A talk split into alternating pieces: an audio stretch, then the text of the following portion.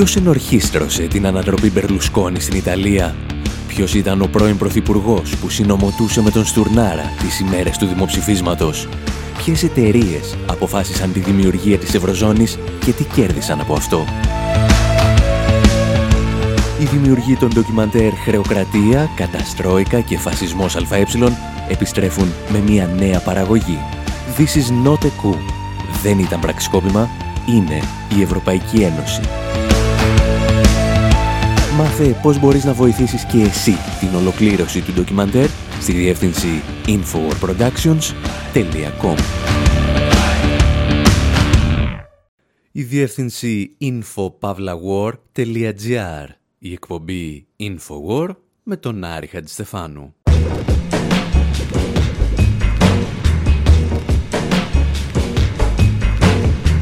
Όπου σήμερα, όπως κάνουμε κάθε χρόνο, αφιερώνουμε τις δύο τελευταίες εκπομπές σε μια ανασκόπηση της χρονιάς που φεύγει με τη ματιά του Infowar.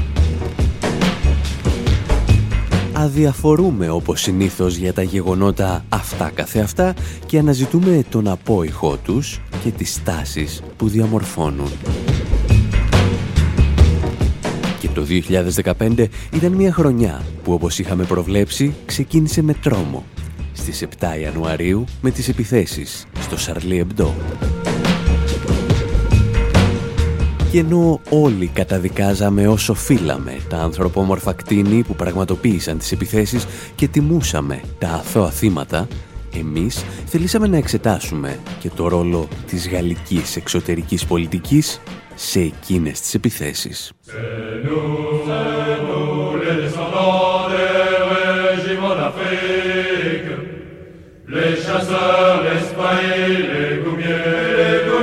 Η Γαλλία αποτυπώνεται συχνά στο συλλογικό υποσυνείδητο της δύσης σαν μια φίλη ειρηνική χώρα, ιδίως μετά την αντίθεσή της στον πόλεμο του Ιράκ.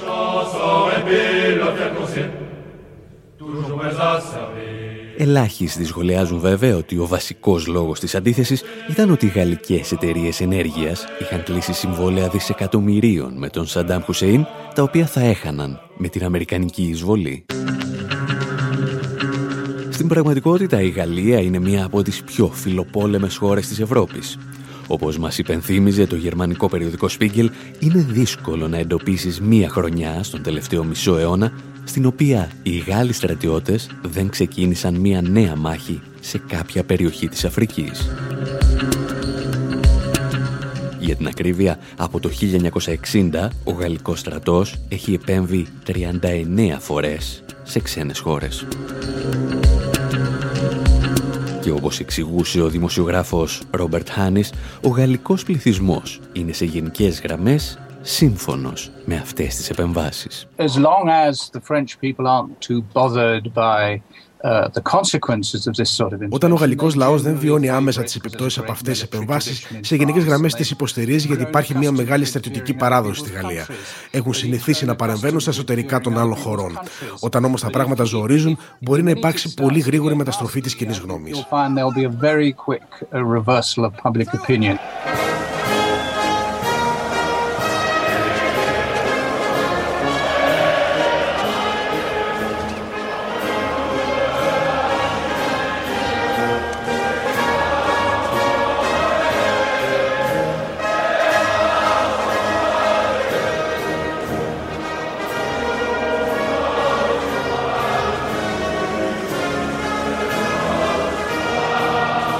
Τα τελευταία χρόνια η Γαλλία επεκτείνει τις στρατιωτικές της αποστολές στην Αφρική σε μια προσπάθεια να αναχαιτήσει την κινέζικη οικονομική διείσδυση.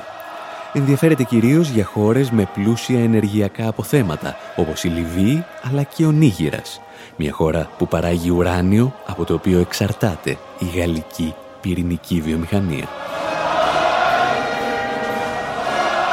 Πρόβλημα είναι ότι εκτός από το να εισβάλλει σε ξένες χώρες, η Γαλλία ενισχύει συχνά εξτρεμιστές Ισλαμιστές για να ανατρέψουν εχθρικά καθεστώτα. Και όταν αυτοί οι εξτρεμιστές ξεφεύγουν από τον έλεγχο, η Γαλλία βρίσκει άλλη μια ευκαιρία για να στείλει περισσότερο στρατό στην Αφρική ή στη Μέση Ανατολή. Την τελευταία πενταετία όλα ξεκίνησαν με την ενίσχυση φανατικών Ισλαμιστών στη Λιβύη για την ανατροπή του καθεστώτος Καντάφη. Πάντα με τη βοήθεια του ΝΑΤΟ και των Ηνωμένων Πολιτειών. Πρόκειται μάλιστα για τις ίδιες ομάδες Ισλαμιστών που τελικά θα δαγκώσουν το χέρι που τις τάιζε, δολοφονώντας τον Αμερικανό πρέσβη στην Τρίπολη. Ομάδες αυτών των Ισλαμιστών κατεβαίνουν και στο Μαλί, την πρώην Γαλλική απικία, και απειλούν να καταλάβουν την πρωτεύουσα. Και οι γαλλικές ένοπλες δυνάμεις βρίσκουν την ευκαιρία να βομβαρδίσουν περιοχές της χώρας, χτυπώντας τους Ισλαμιστές που προηγουμένως ενίσχυαν.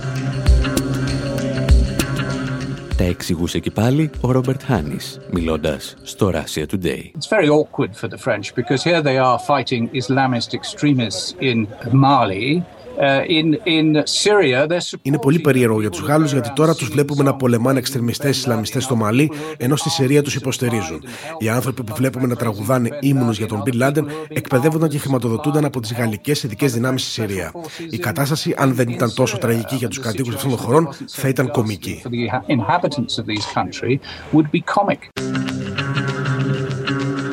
Όταν ο Ρόμπερτ Χάνης εξηγούσε στις αρχές του 2013 ότι η Γαλλία εξόπλιζε τζιχαντιστές στη Συρία, οι απόψεις του χαρακτηρίζονταν από ορισμένους σαν θεωρία συνωμοσίας. Ενάμιση χρόνο αργότερα, η γαλλική εφημερίδα Mond θα αποκαλύψει ότι το Παρίσι έστελνε οπλισμό σε Σύρους αντάρτες Μεταξύ άλλων, ο γαλλικός στρατός έστελνε αυτόματα όπλα, εκτοξευτήρες ρουκετών, αλεξίσφαιρα γυλαίκα, αλλά και συσκευές επικοινωνίας. Και τι είχε να πει ο Γάλλος πρόεδρος για όλα αυτά; Μη φοβάστε, ξέρουμε που πάνε τα όπλα και δεν θα καταλήξουν σε χέρια τρομοκρατών. Sur la livraison d'armes, nous avons toujours dit que nous, nous voulions contrôler Σχετικά με την παροχή όπλων, έχουμε εξηγήσει ότι θέλουμε να ελέγχουμε την παράδοση ώστε να καταλήγουν στον ελεύθερο Συριακό στρατό. Γιατί αυτοί εκπροσωπούν την Εθνική Συμμαχία και τους έχουμε αναγνωρίσει σαν τους μοναδικούς νόμιμους εκπροσώπους του λαού της Συρίας. Οι Ρώσοι δίνουν συνεχώς όπλα από την άλλη πλευρά. Εμείς το κάνουμε στο πλαίσιο μιας μεγάλης συμμαχίας με στόχο να εξασφαλίσουμε ότι τα όπλα δεν θα καταλήξουν στα χέρια τσιγαντιστών, τους οποίους μαχόμαστε σε άλλες χώρες.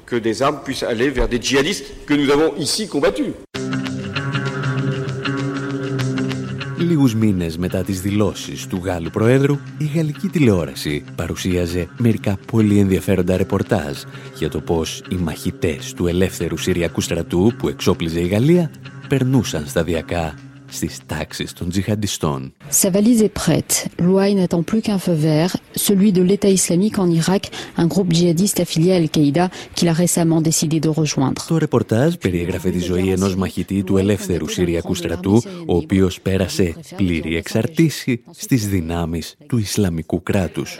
L'armée syrienne libre est à la botte des Occidentaux.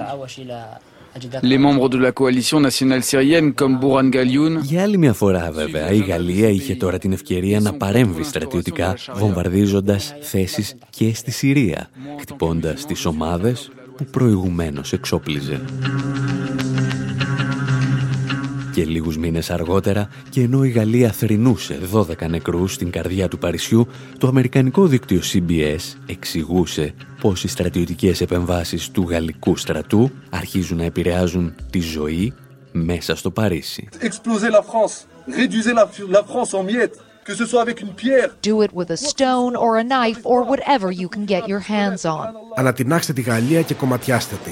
Κάντε το με πέτρες, μαχαίρια ή ό,τι άλλο βρείτε. Έλεγε ένα μέλος του κράτους του Ισλάμ σε βίντεο που κυκλοφόρησε λίγο πριν από την επίθεση στο Παρίσι. Δεν υπάρχουν ενδείξεις για την εμπλοκή του κράτους του Ισλάμ στη σφαγή στο Παρίσι. Υπάρχουν όμως μηνύματα ότι πολλοί αγκάλιασαν αυτό το μήνυμα. Τους τελευταίους μήνες έγιναν τρεις επιθέσεις από φανατικούς Ισλαμιστές, ενώ εκατοντάδες μέλη των δυνάμεων ασφαλείας φρουρούσαν την πρωτεύουσα.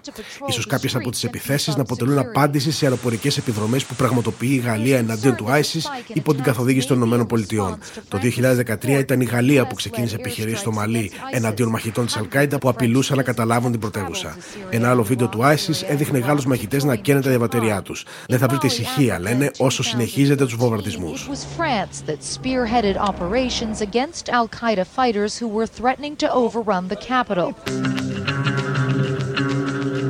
Θέλετε μήπως να ανακεφαλαιώσουμε με μία ανάσα; Η Γαλλία εξόπλιζε τζιχαντιστές στη Λιβύη, τους οποίους στη συνέχεια βομβάρδιζε στο Μαλί, ενώ παράλληλα άρχισε να εξοπλίζει Σύρους αντάρτες, οι οποίοι στη συνέχεια μεταπίδησαν στο κράτος του Ισλάμ, δίνοντας την ευκαιρία στο Παρίσι να παρέμβει στρατιωτικά και στη Συρία.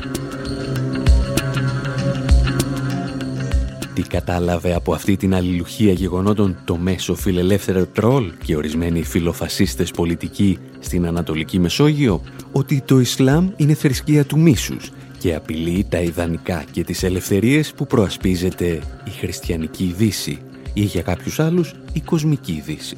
Είναι ακριβώς αυτό που ο Ταρίκαλή περιέγραφε σαν σύγκρουση των φονταμενταλισμών.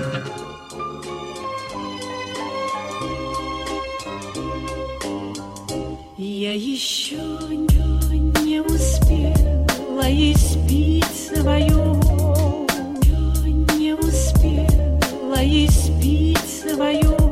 Έχω πεθάνει δυο χιλιάδες έξι φορές Σε κάθε πόλεμο που έγινε. Με κυνηγούσανε ορδές. Είμαι ο άμαχος που πάντα πεθαίνει, πάντα φοβάται Πάντα με το ένα μάτι ανοιχτό κοιμάται. Είναι ο ρόλος που μου δόθηκε αυτός από το Θεό Να πεθαίνω. Για κάθε πολεμό του ιερό Έχω πεθάνει. Σε μία από τις σταυροφορίες Περάσαν από πάνω μου τρεις αυτοκρατορίες. Θυμάμαι κι όσο θυμάμαι φοβάμαι τις νύχτες εκείνες Όταν μάτωναν τα φτιάσω από τις ειρήνες. Και μετά μέσα στις γνώριμες κατακόμπες Και από πάνω μου τόνι από τσιμέντο και βόμβες. Άκου να δεις, εδώ κάτω δεν ζητείτε έλπις Όταν θα ξαναγίνει πόλεμος πρέπει να σηκωθείς για να πεθάνεις πάλι Μονάχος κάποιο βράδυ.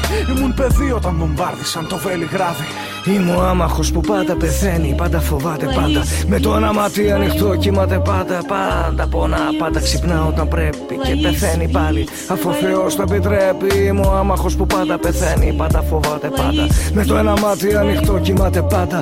Πάντα πονά, πάντα ξυπνά όταν πρέπει Και πεθαίνει πάλι, αφού ο Θεός το επιτρέπει. Έχω πεθάνει στο λοκαύτωμα χωρίς να φταίω. Αντί για δάκρυα βγαίνει αίμα από τα μάτια μου όταν κλαίω. Ήμουν παιδί στην Παλαιστίνη, τη νύχτα εκείνη. Έγινα μάρτυρας γιατί τίποτα δεν μου είχε μείνει Και ενώ οι στοίχημα τραγουδούσαν για τους αθώους άμαχους Με τη βοήθεια του Χριστού Θηβαίου Που η νιώτη του έλεγε πως θα γινόταν άλλος Το θέμα συνέχιζε να προκαλεί ερωτηματικά και πολύ πολύ αίμα.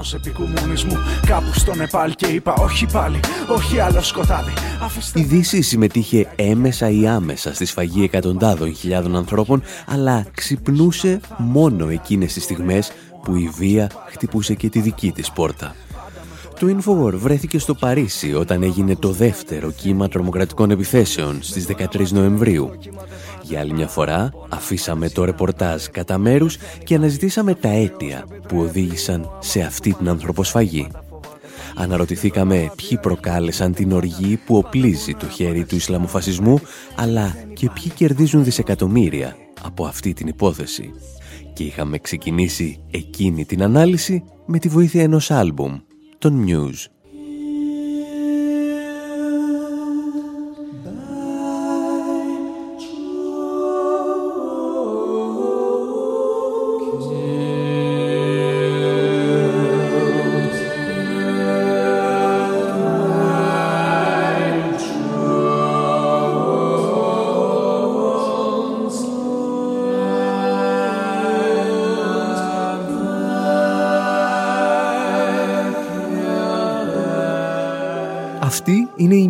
Από το τελευταίο τους άλμπουμ με τον πολύ εμπνευσμένο τίτλο Drones, μη επανδρομένα αεροσκάφη.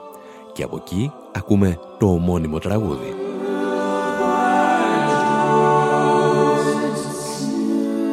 Η μητέρα μου και ο πατέρας μου, λένε, η αδερφή μου και ο αδερφός μου, ο γιος μου και η κόρη μου σκοτώθηκαν από drones.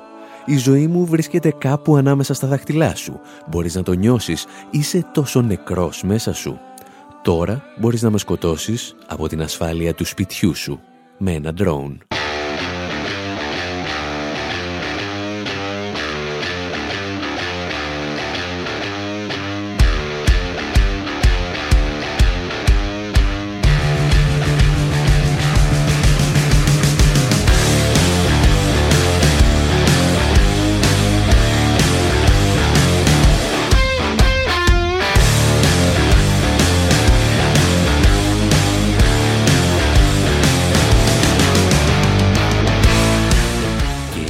Θα συνεχίσουν να τραγουδούν για drones περιγράφοντας πως το Πεντάγωνο στρατολογεί νέα παιδιά και τα μετατρέπει σε μηχανές που σκορπούν το θάνατο σε κάποιο μακρινό σημείο του πλανήτη.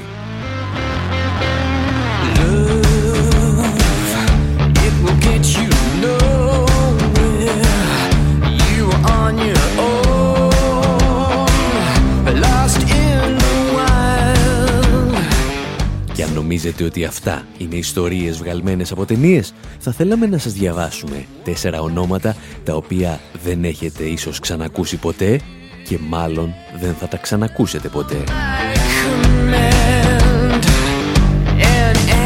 Σάιαν Westmoreland, Michael Haas, Brandon Bryant και Stephen Lewis.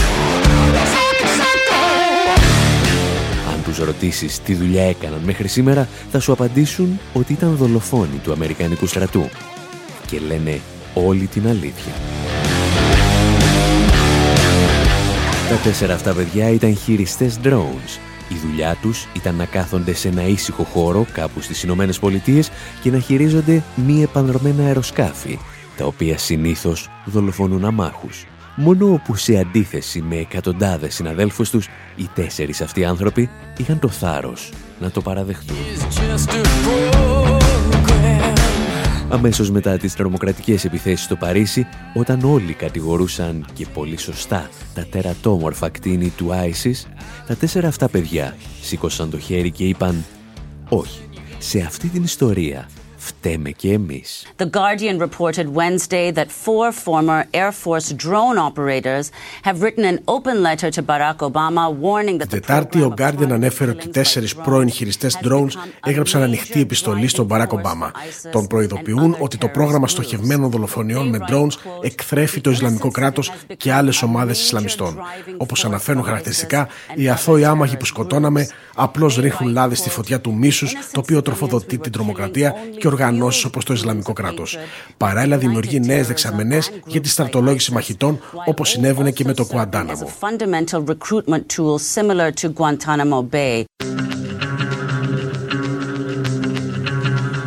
Η ιστορία των τεσσάρων χειριστών drones θα μπορούσε να συνοψιστεί σε μια φράση ενός συναδέλφου τους που συμμετείχε σε ένα ντοκιμαντέρ για drones που κυκλοφόρησε αυτή την εβδομάδα στη Νέα Υόρκη. I didn't really understand what it meant to kill at first. Um, it was horrible. Στην αρχή δεν κατάλαβα τι σημαίνει να σκοτώνεις. Ήταν φρικτό. The first time was horrible. The second time was Την πρώτη φορά ήταν φρικτό, τη δεύτερη φορά ήταν φρικτό. The third time was numbing. Την τρίτη φορά ήταν αδιάφορο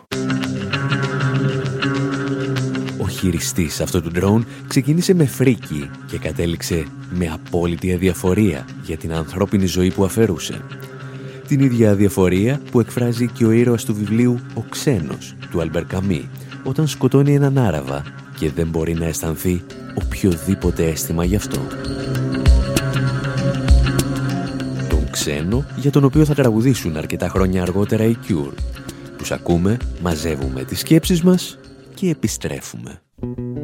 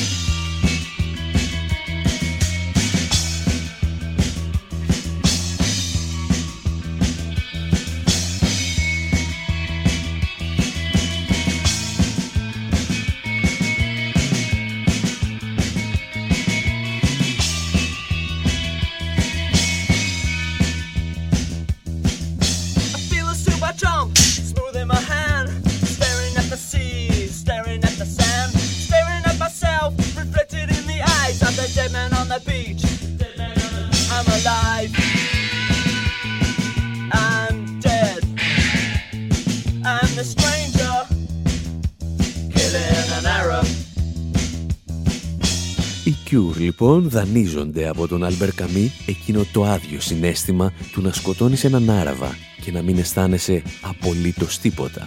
Είναι το ακριβώς αντίθετο συναίσθημα από το να σκοτώνουν έναν λευκό Γάλλο στην καρδιά του Παρισιού και να νιώθεις την καρδιά σου να ραγίζει. Γιατί έτσι σου έμαθαν, αλλά κυρίως γιατί έτσι πρέπει.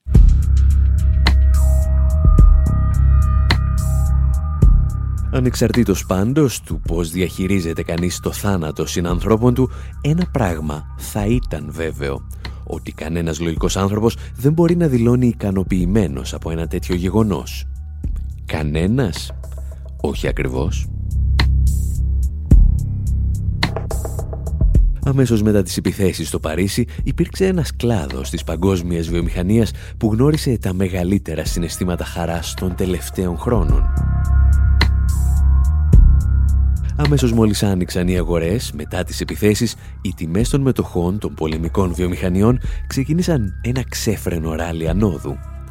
Ανάμεσά τους, εταιρείες που παράγουν οπλικά συστήματα όπως η Lockheed Martin, η General Dynamics, η Raytheon, αλλά και εταιρείες με συστήματα παρακολουθήσεων όπως η Bose Allen Hamilton. Το ίδιο συνέβη και στο γαλλικό χρηματιστήριο. Παρά το γεγονός ότι ο γενικός δείκτης υποχωρούσε, η Θαλής, η μεγαλύτερη βιομηχανία όπλων της χώρας, έβλεπε τις τιμές των μετοχών της να αυξάνονται έως και κατά 3%. Αυτές οι εταιρείες ασχολούνται με μεγάλες πολεμικές επιχειρήσεις. Οι επιθέσεις στο Παρίσι όμως θα ενισχύσουν και όσους ασχολούνται με την εσωτερική ασφάλεια γιατί οι χώρες της Ευρωπαϊκής Ένωσης βρήκαν όπως φαίνεται την αφορμή που ζητούσαν για να ανταλλάξουν την ελευθερία με την ασφάλεια.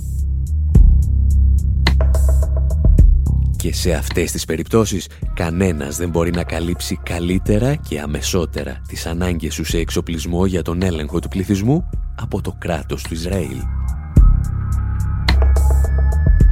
Ήδη μικρότερες Ισραηλινές εταιρείες όπως η Briefcam και η Mer Group αναμένουν τρομακτικές αυξήσεις πωλήσεων τους επόμενους μήνες. Και όλες οι εταιρείες με τους ξένους ανταγωνιστές τους βρέθηκαν στη γαλλική πρωτεύουσα τέσσερις μόλις ημέρες μετά τις επιθέσεις όταν άνοιξε τις πύλες της η Διεθνής Έκθεση Συστημάτων Εσωτερικής Ασφάλειας Millipol. Σκέψεις σαν και αυτές λοιπόν μοιραζόμασταν μαζί σας το 2015 με αφορμή τις τρομοκρατικές επιθέσεις στο Παρίσι. Και αν θέλετε να βρείτε ολόκληρες τις σχετικές εκπομπές και τα κείμενα στα οποία αποτυπώναμε τις σκέψεις μας, θα τα βρείτε όλα στη διεύθυνση info.pavlawar.gr Προς το παρόν πάντως μένετε εδώ, γιατί η ανασκόπηση της χρονιάς που φεύγει συνεχίζεται ύστερα από ένα μικρό διαλυματάκι.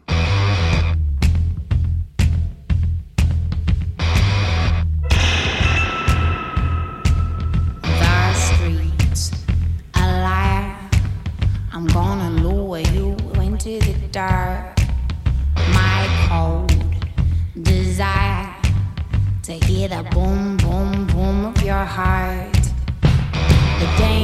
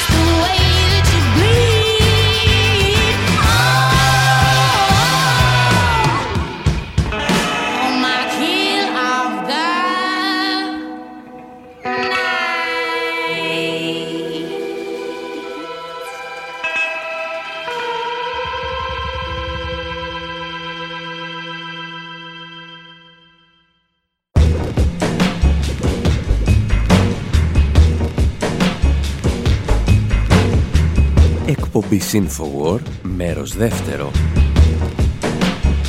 όπου συνεχίζουμε την ανασκόπηση στις στάσεις που δημιουργήθηκαν το 2015 σε ολόκληρο τον πλανήτη.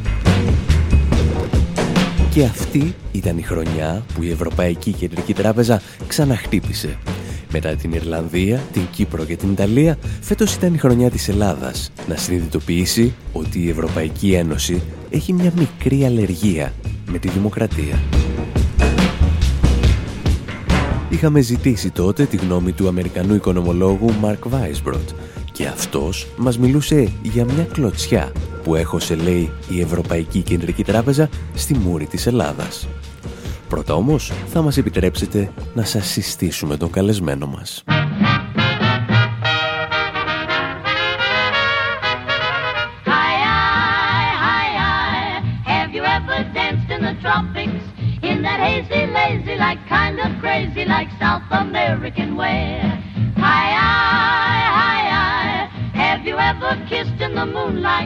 Αν το μοναδικό πράγμα που σας θυμίζει αυτό το τραγούδι είναι μια διασκευή από τα ημισκούμπρια, ξεχάστε το. Το τραγούδι λέγεται South American Way και το τραγουδούσαν οι αδερφές Άντριου τη δεκαετία του 40. Εμάς μας ενδιαφέρει ότι το χρησιμοποίησε ο Oliver Stone στους τίτλους τέλους του ντοκιμαντέρ του «Νότια των Συνόρων» το 2009. Πρόκειται ίσως για τη μοναδική παραγωγή του συγκεκριμένου σκηνοθέτη που προκάλεσε τόσο οργισμένα σχόλια από την πλειονότητα των Αμερικανών κριτικών. Και δεν θα μπορούσε να είναι διαφορετικά αφού η ταινία παρουσίαζε το ανθρώπινο πρόσωπο αλλά και τις επιτυχίες των αριστερών ή σχεδόν αριστερών κυβερνήσεων της Λατινικής Αμερικής.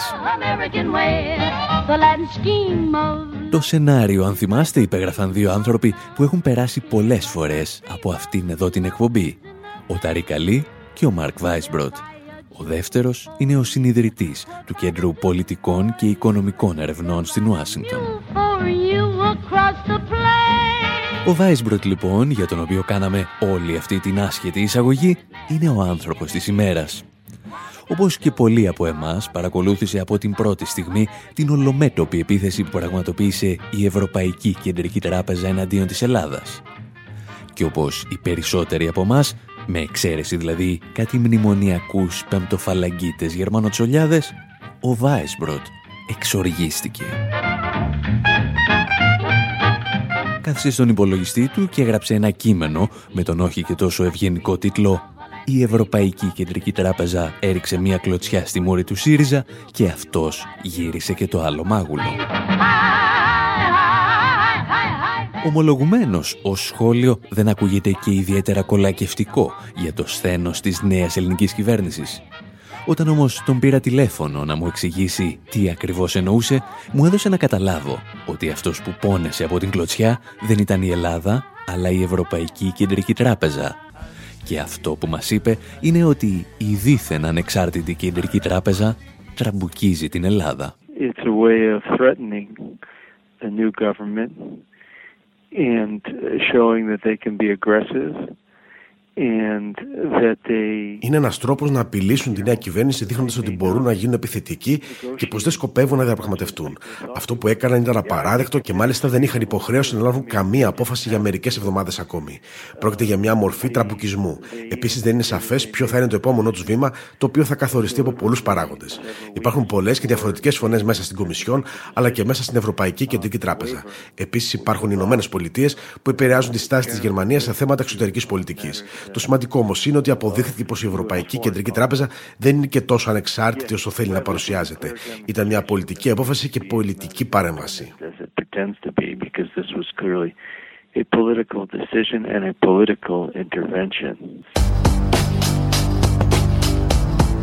Ένα από τα αγαπημένα θέματα του Μαρκ Βάισμπροτ σε σχέση με την Ελλάδα είναι τα τρομακτικά πλεονεκτήματα που πιστεύει ότι θα προσέφερε στη χώρα η έξοδος από την Ευρωζώνη.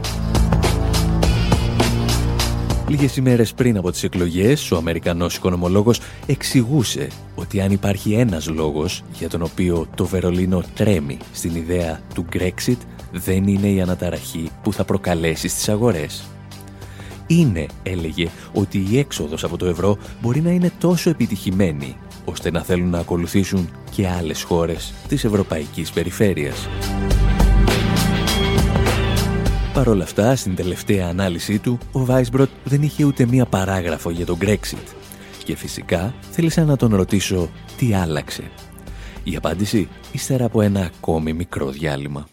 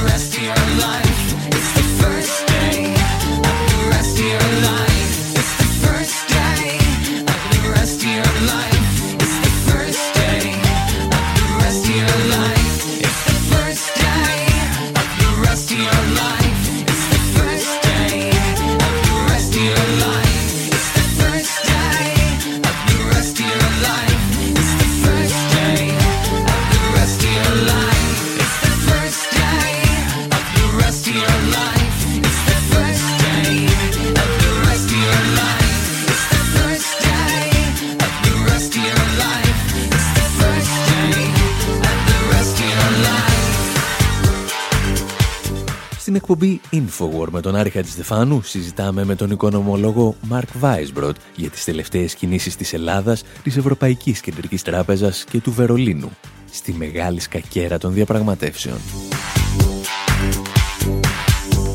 Και η συζήτηση έφτασε όπως ήταν αναμενόμενο γρήγορα και στο ευρώ. That is a taboo subject and I, I don't talk or write about it that much. Είναι ένα θέμα ταμπού και ο λόγος για τον οποίο δεν μιλάω κι εγώ πολύ γι' αυτό είναι γιατί δεν είναι στην ατζέντα αυτή τη στιγμή. Δεν το θεωρώ πιθανό, αλλά ποτέ δεν ξέρεις τι μπορεί να γίνει. Αν οι ευρωπαϊκές αρχές είναι τόσο ξεροκέφαλες και δεν κάνουν υποχωρήσεις, η ελληνική κοινή γνώμη ίσως αρχίσει να υποστηρίζει την έξοδο από το ευρώ. Εξετάζοντας αντικειμενικά το ενδεχόμενο, η πρώτη αντίδραση θα είναι μια αρχική κρίση. Η ανάκαμψη όμως θα είναι πολύ ταχύτερη από ό,τι αναμένεται τώρα. Προφανώς, αν το είχατε κάνει από την αρχή της κρίσης, σήμερα η Ελλάδα θα ήταν μια πολύ πιο πλούσια χώρα, αφού δεν θα είχε χάσει το 1 τέταρτο του ΑΕΠ της.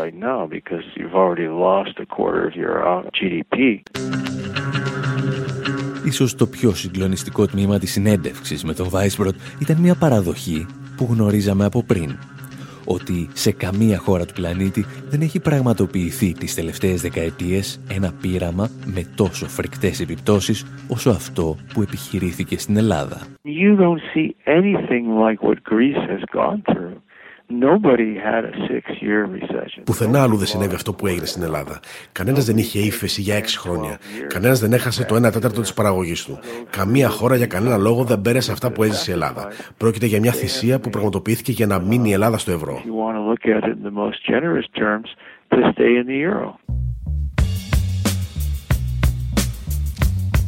Στην εκπομπή Infowar με τον Άρη Χατζηστεφάνου θυμόμαστε γεγονότα που μας έκαναν εντύπωση το 2015, όπως οι κλωτσιές που μας έριχνε η Ευρωπαϊκή Κεντρική Τράπεζα. Εκτός όμως από τις μαύρες πολιτικές σελίδες, το 2015 δημιούργησε σε ορισμένους και την ελπίδα για την ανάδειξη νέων πολιτικών δυνάμεων δυνάμεων που θα αμφισβητούσαν την τραπεζική δικτατορία στο εσωτερικό της Ευρωπαϊκής Ένωσης. Και δεν αναφερόμαστε βέβαια στις ελπίδες που δημιουργήθηκαν στον Ευρωπαϊκό Νότο, ελπίδες που ήρθαν στο ραντεβού τους όσο και ο Γκοντό στο έργο του Μπέκετ. Αναφερόμαστε στον κύριο Τζέρεμι Κόρμπιν, που το 2015 ανέλαβε την ηγεσία των εργατικών στη Βρετανία. Και αυτή ήταν η ιστορία που είχαμε διηγηθεί για αυτόν.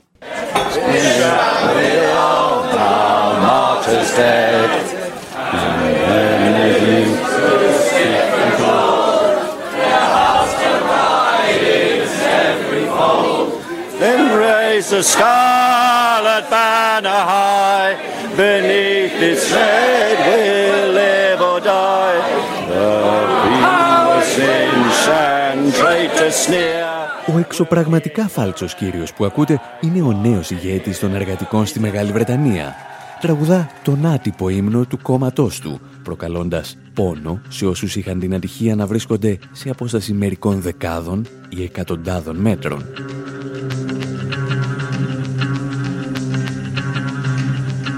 Αυτό το φάλτσο όμως έφτασε μέχρι τις Βρυξέλλες, το Βερολίνο και τη Φραγκφούρτη, όταν ο Τζέρεμι Κόρμπιν σταμάτησε να τραγουδάει και άρχισε να μιλάει. Έλεγε πράγματα ακατάληπτα για τους Ευρωπαίους κομισάριους. Κάτι για κατώτατο μισθό, κάτι για δωρεάν υγεία και παιδεία και τερματισμό της λιτότητας. Αυτό όμως που τους προκάλεσε πραγματικές κρίσεις πανικού ήταν η πρότασή του να χρησιμοποιήσει την Κεντρική Τράπεζα της Αγγλίας για να τυπώσει χρήμα και να το προσφέρει για την ενίσχυση του κράτους πρόνοιας. Ο κύριος αυτός απειλούσε την πεμπτουσία της Ευρωπαϊκής Ένωσης και κυρίως της Ευρωζώνης.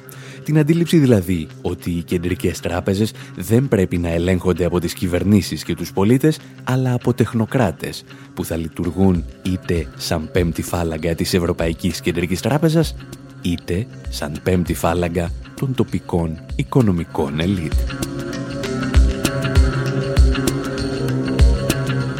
Εμάς πάλι από όλα αυτά μας ενδιαφέρει μόνο το τραγούδι που έλεγε ο Τζέρεμι Κόρμπιν. Το τραγούδι λέγεται Red Flag και πριν αρχίσουμε να σας διηγούμαστε ένα ή δύο πράγματα γι' αυτό, καλό θα ήταν να το ακούσετε σε μια ελαφρώς καλύτερη εκτέλεση από τον Billy Bragg.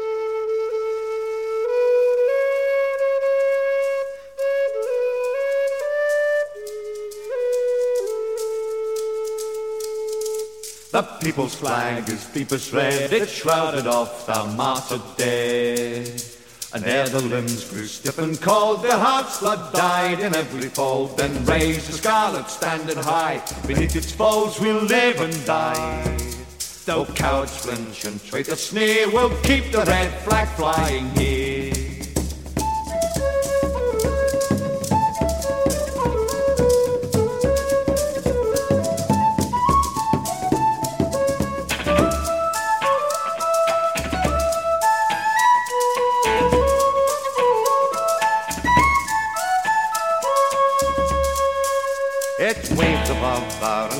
Infant night, when all our heads seemed dark as night. It witnessed many a beaten vow, we mustn't change its colour now. Blazing scarlet standing high, beneath its balls we'll live and die. Στα μέσα της δεκαετίας του 50, καθώς το εργατικό κόμμα αρχίζει να χάνει τα σοσιαλιστικά του χαρακτηριστικά, τα παιδιά σε αρκετά σχολεία τραγουδούν μια παραλλαγή του Red Flag. Σε ελεύθερη απόδοση το τραγούδι λέει «Η λαϊκή σημαία έχει ένα ξεβαμένο ροζ χρώμα γιατί η μαμά μου την έπλυνε στον υπητήρα».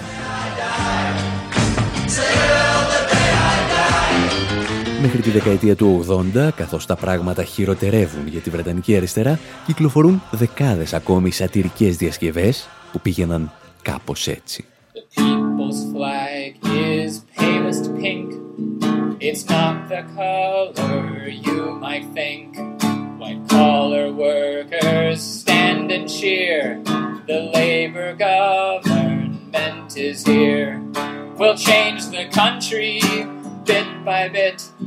so nobody will notice it. And just to show that we're sincere, we'll sing the red flag. Θα αλλάξουμε λέει τη χώρα σιγά σιγά για να μην το πάρετε χαμπάρι Και για να νομίζετε ότι παραμένουμε πιστοί στις απόψεις μας θα τραγουδάμε το Red Flag μία φορά το χρόνο.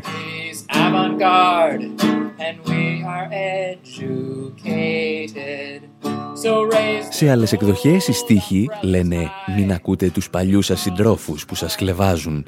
Εμείς είμαστε αποφασισμένοι να γατζωθούμε στην εξουσία για πολλά χρόνια ακόμη».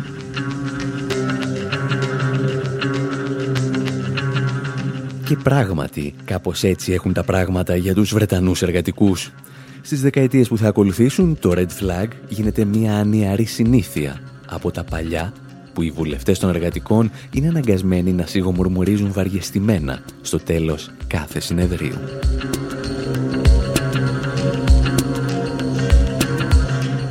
Όσο όμως παρακμάζουν οι εργατικοί και μετατρέπονται στο αντεστραμμένο είδωλο των συντηρητικών, τόσο βελτιώνονται οι σατυρικές εκδοχές του Red Flag. Για να φτάσουμε στην διασημότερη όλων. Ο Λέον Ρόσελσον τραγουδά το Battle Hymn of the New Socialist Party.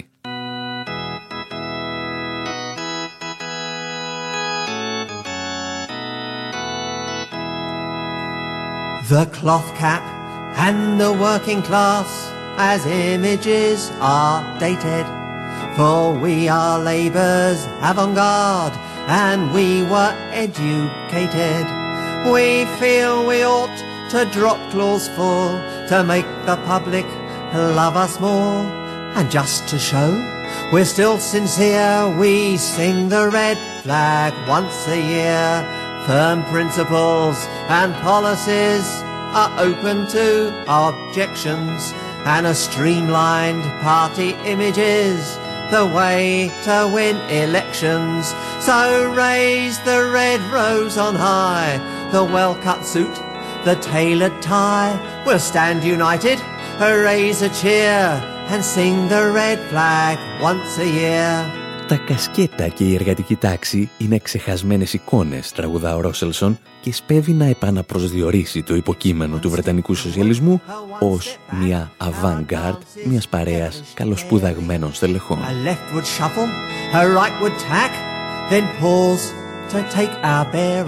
Κάνουμε λέει ένα βήμα μπρος και ένα βήμα πίσω. Στρίβουμε λίγο δεξιά και ύστερα το μαζεύουμε ελαφρώς αριστερά. Ψηφίστε λοιπόν εμάς και όχι αυτούς, γιατί είμαστε εξίσου πιστοί στο ΝΑΤΟ.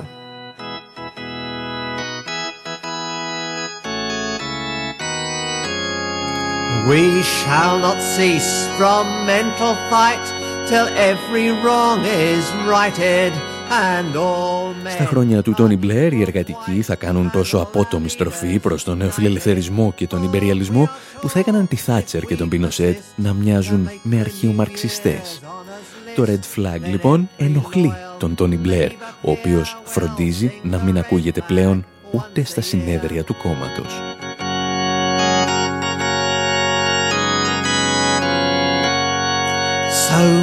Πώς φτάσαμε λοιπόν σήμερα ο νέος ηγέτης των εργατικών να ξεκινά με το Red Flag τη θητεία του;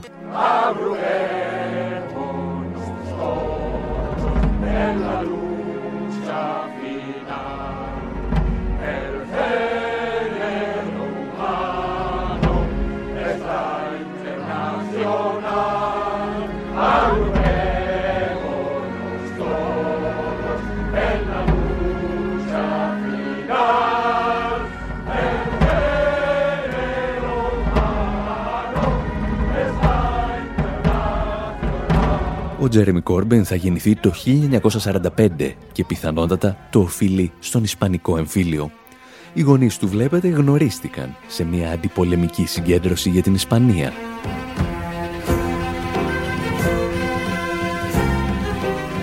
Όταν ακόμη οι Ευρωπαίοι ηγέτες υποστήριζαν τον Χίτλερ και τον Φράνκο απέναντι στους κομμουνιστές και τους αναρχικούς που μάχονταν τον φασισμό, οι γονείς του Κόρμπιν στήριζαν τις προσπάθειες των διεθνών ταξιαρχιών, τις ηρωικές εκείνες φιγούρες που εγκατέλειπαν τα σπίτια τους για να πολεμήσουν τους φαλαγγίτες του Φράνκο.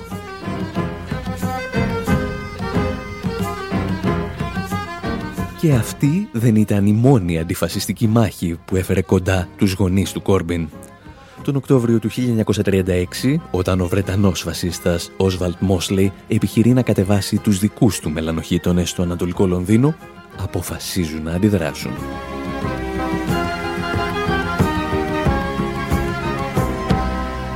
Διόλου συμπτωματικά, το ίδιο ακριβώς είχαν σκεφτεί και 100.000 άλλα άτομα που δεν θα επέτρεπαν σε κανένα φασίστα να κυκλοφορεί ανάμεσά τους.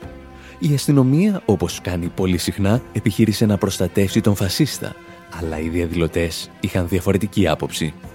Και έτσι ξέσπασε η περίφημη μάχη της Cable Street στο Ανατολικό Λονδίνο.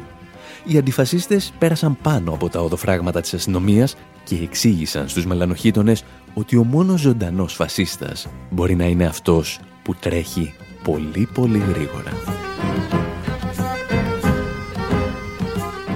Και φυσικά, με δύο τόσο μπαρουτοκαπνισμένους γονείς, ο Κόρμπιν δεν θα μπορούσε να γεννηθεί ροζ. Γεννήθηκε κόκκινος. Τάχθηκε από νωρίς ενάντια σε οργανισμούς όπως το ΝΑΤΟ και καθεστώτα όπως το Απαρτχάιτ στην Νότια Αφρική. Ήταν κάθε στιγμή στο πλευρό του Παλαιστινιακού λαού, αλλά και πολιτικών κρατουμένων στο εσωτερικό της χώρας του αρνήθηκε να πληρώσει παράλογα και παράνομα χαράτσια ακόμη και με την απειλή της φυλακής. Και όταν χρειάστηκε πήγε τελικά φυλακή για να υπερασπιστεί τα ιδανικά του. Όλα αυτά τα χρόνια ζητά τερματισμό της λιτότητας και δωρεάν υγεία και παιδεία για όλους. Θέλει επανεθνικοποίηση των μέσων μεταφοράς αλλά και των στρατηγικών επιχειρήσεων ενέργειας. Μήπως όλα αυτά τον καθιστούν τον Τσέγκεβάρα της εποχής μας; Ούτε κατά προσέγγιση. Όλα αυτά τα στοιχεία αποτελούν τις ελάχιστες προϋποθέσεις αν θέλεις να ονομάζεσαι προοδευτικός και ίσως αριστερός. Και αν χάσεις έστω και ένα, δεν δικαιούσε να χρησιμοποιείς αυτούς τους τίτλους. Το πιθανότερο μάλιστα είναι ότι δεν τους είχες κερδίσει ποτέ στη ζωή σου.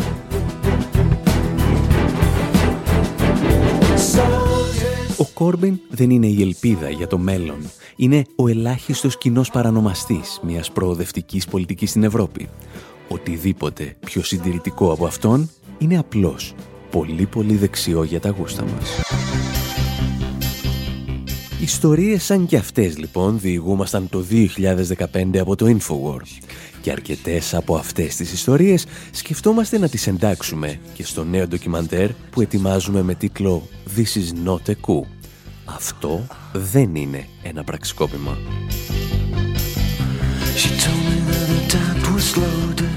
Και αν και εσείς θέλετε να μάθετε περισσότερα ή να γίνετε συμπαραγωγή μας, μπορείτε να το κάνετε από τη διεύθυνση thisisnoteku.com και info.pavlawar.gr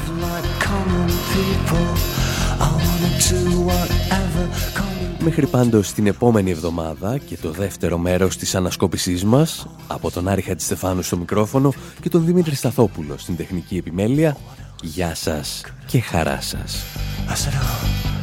I see what I can do. I took her to a supermarket. I don't know why but I had just started somewhere. So it started there. I said pretend you got no money. And she just laughed and said Oh you're so funny. I said yeah. I can't see anyone else smiling are you sure? You wanna live like common people. You wanna see whatever common people see. Wanna sleep with common people. You wanna sleep with common people like me. But she didn't understand. And she just smiled and held my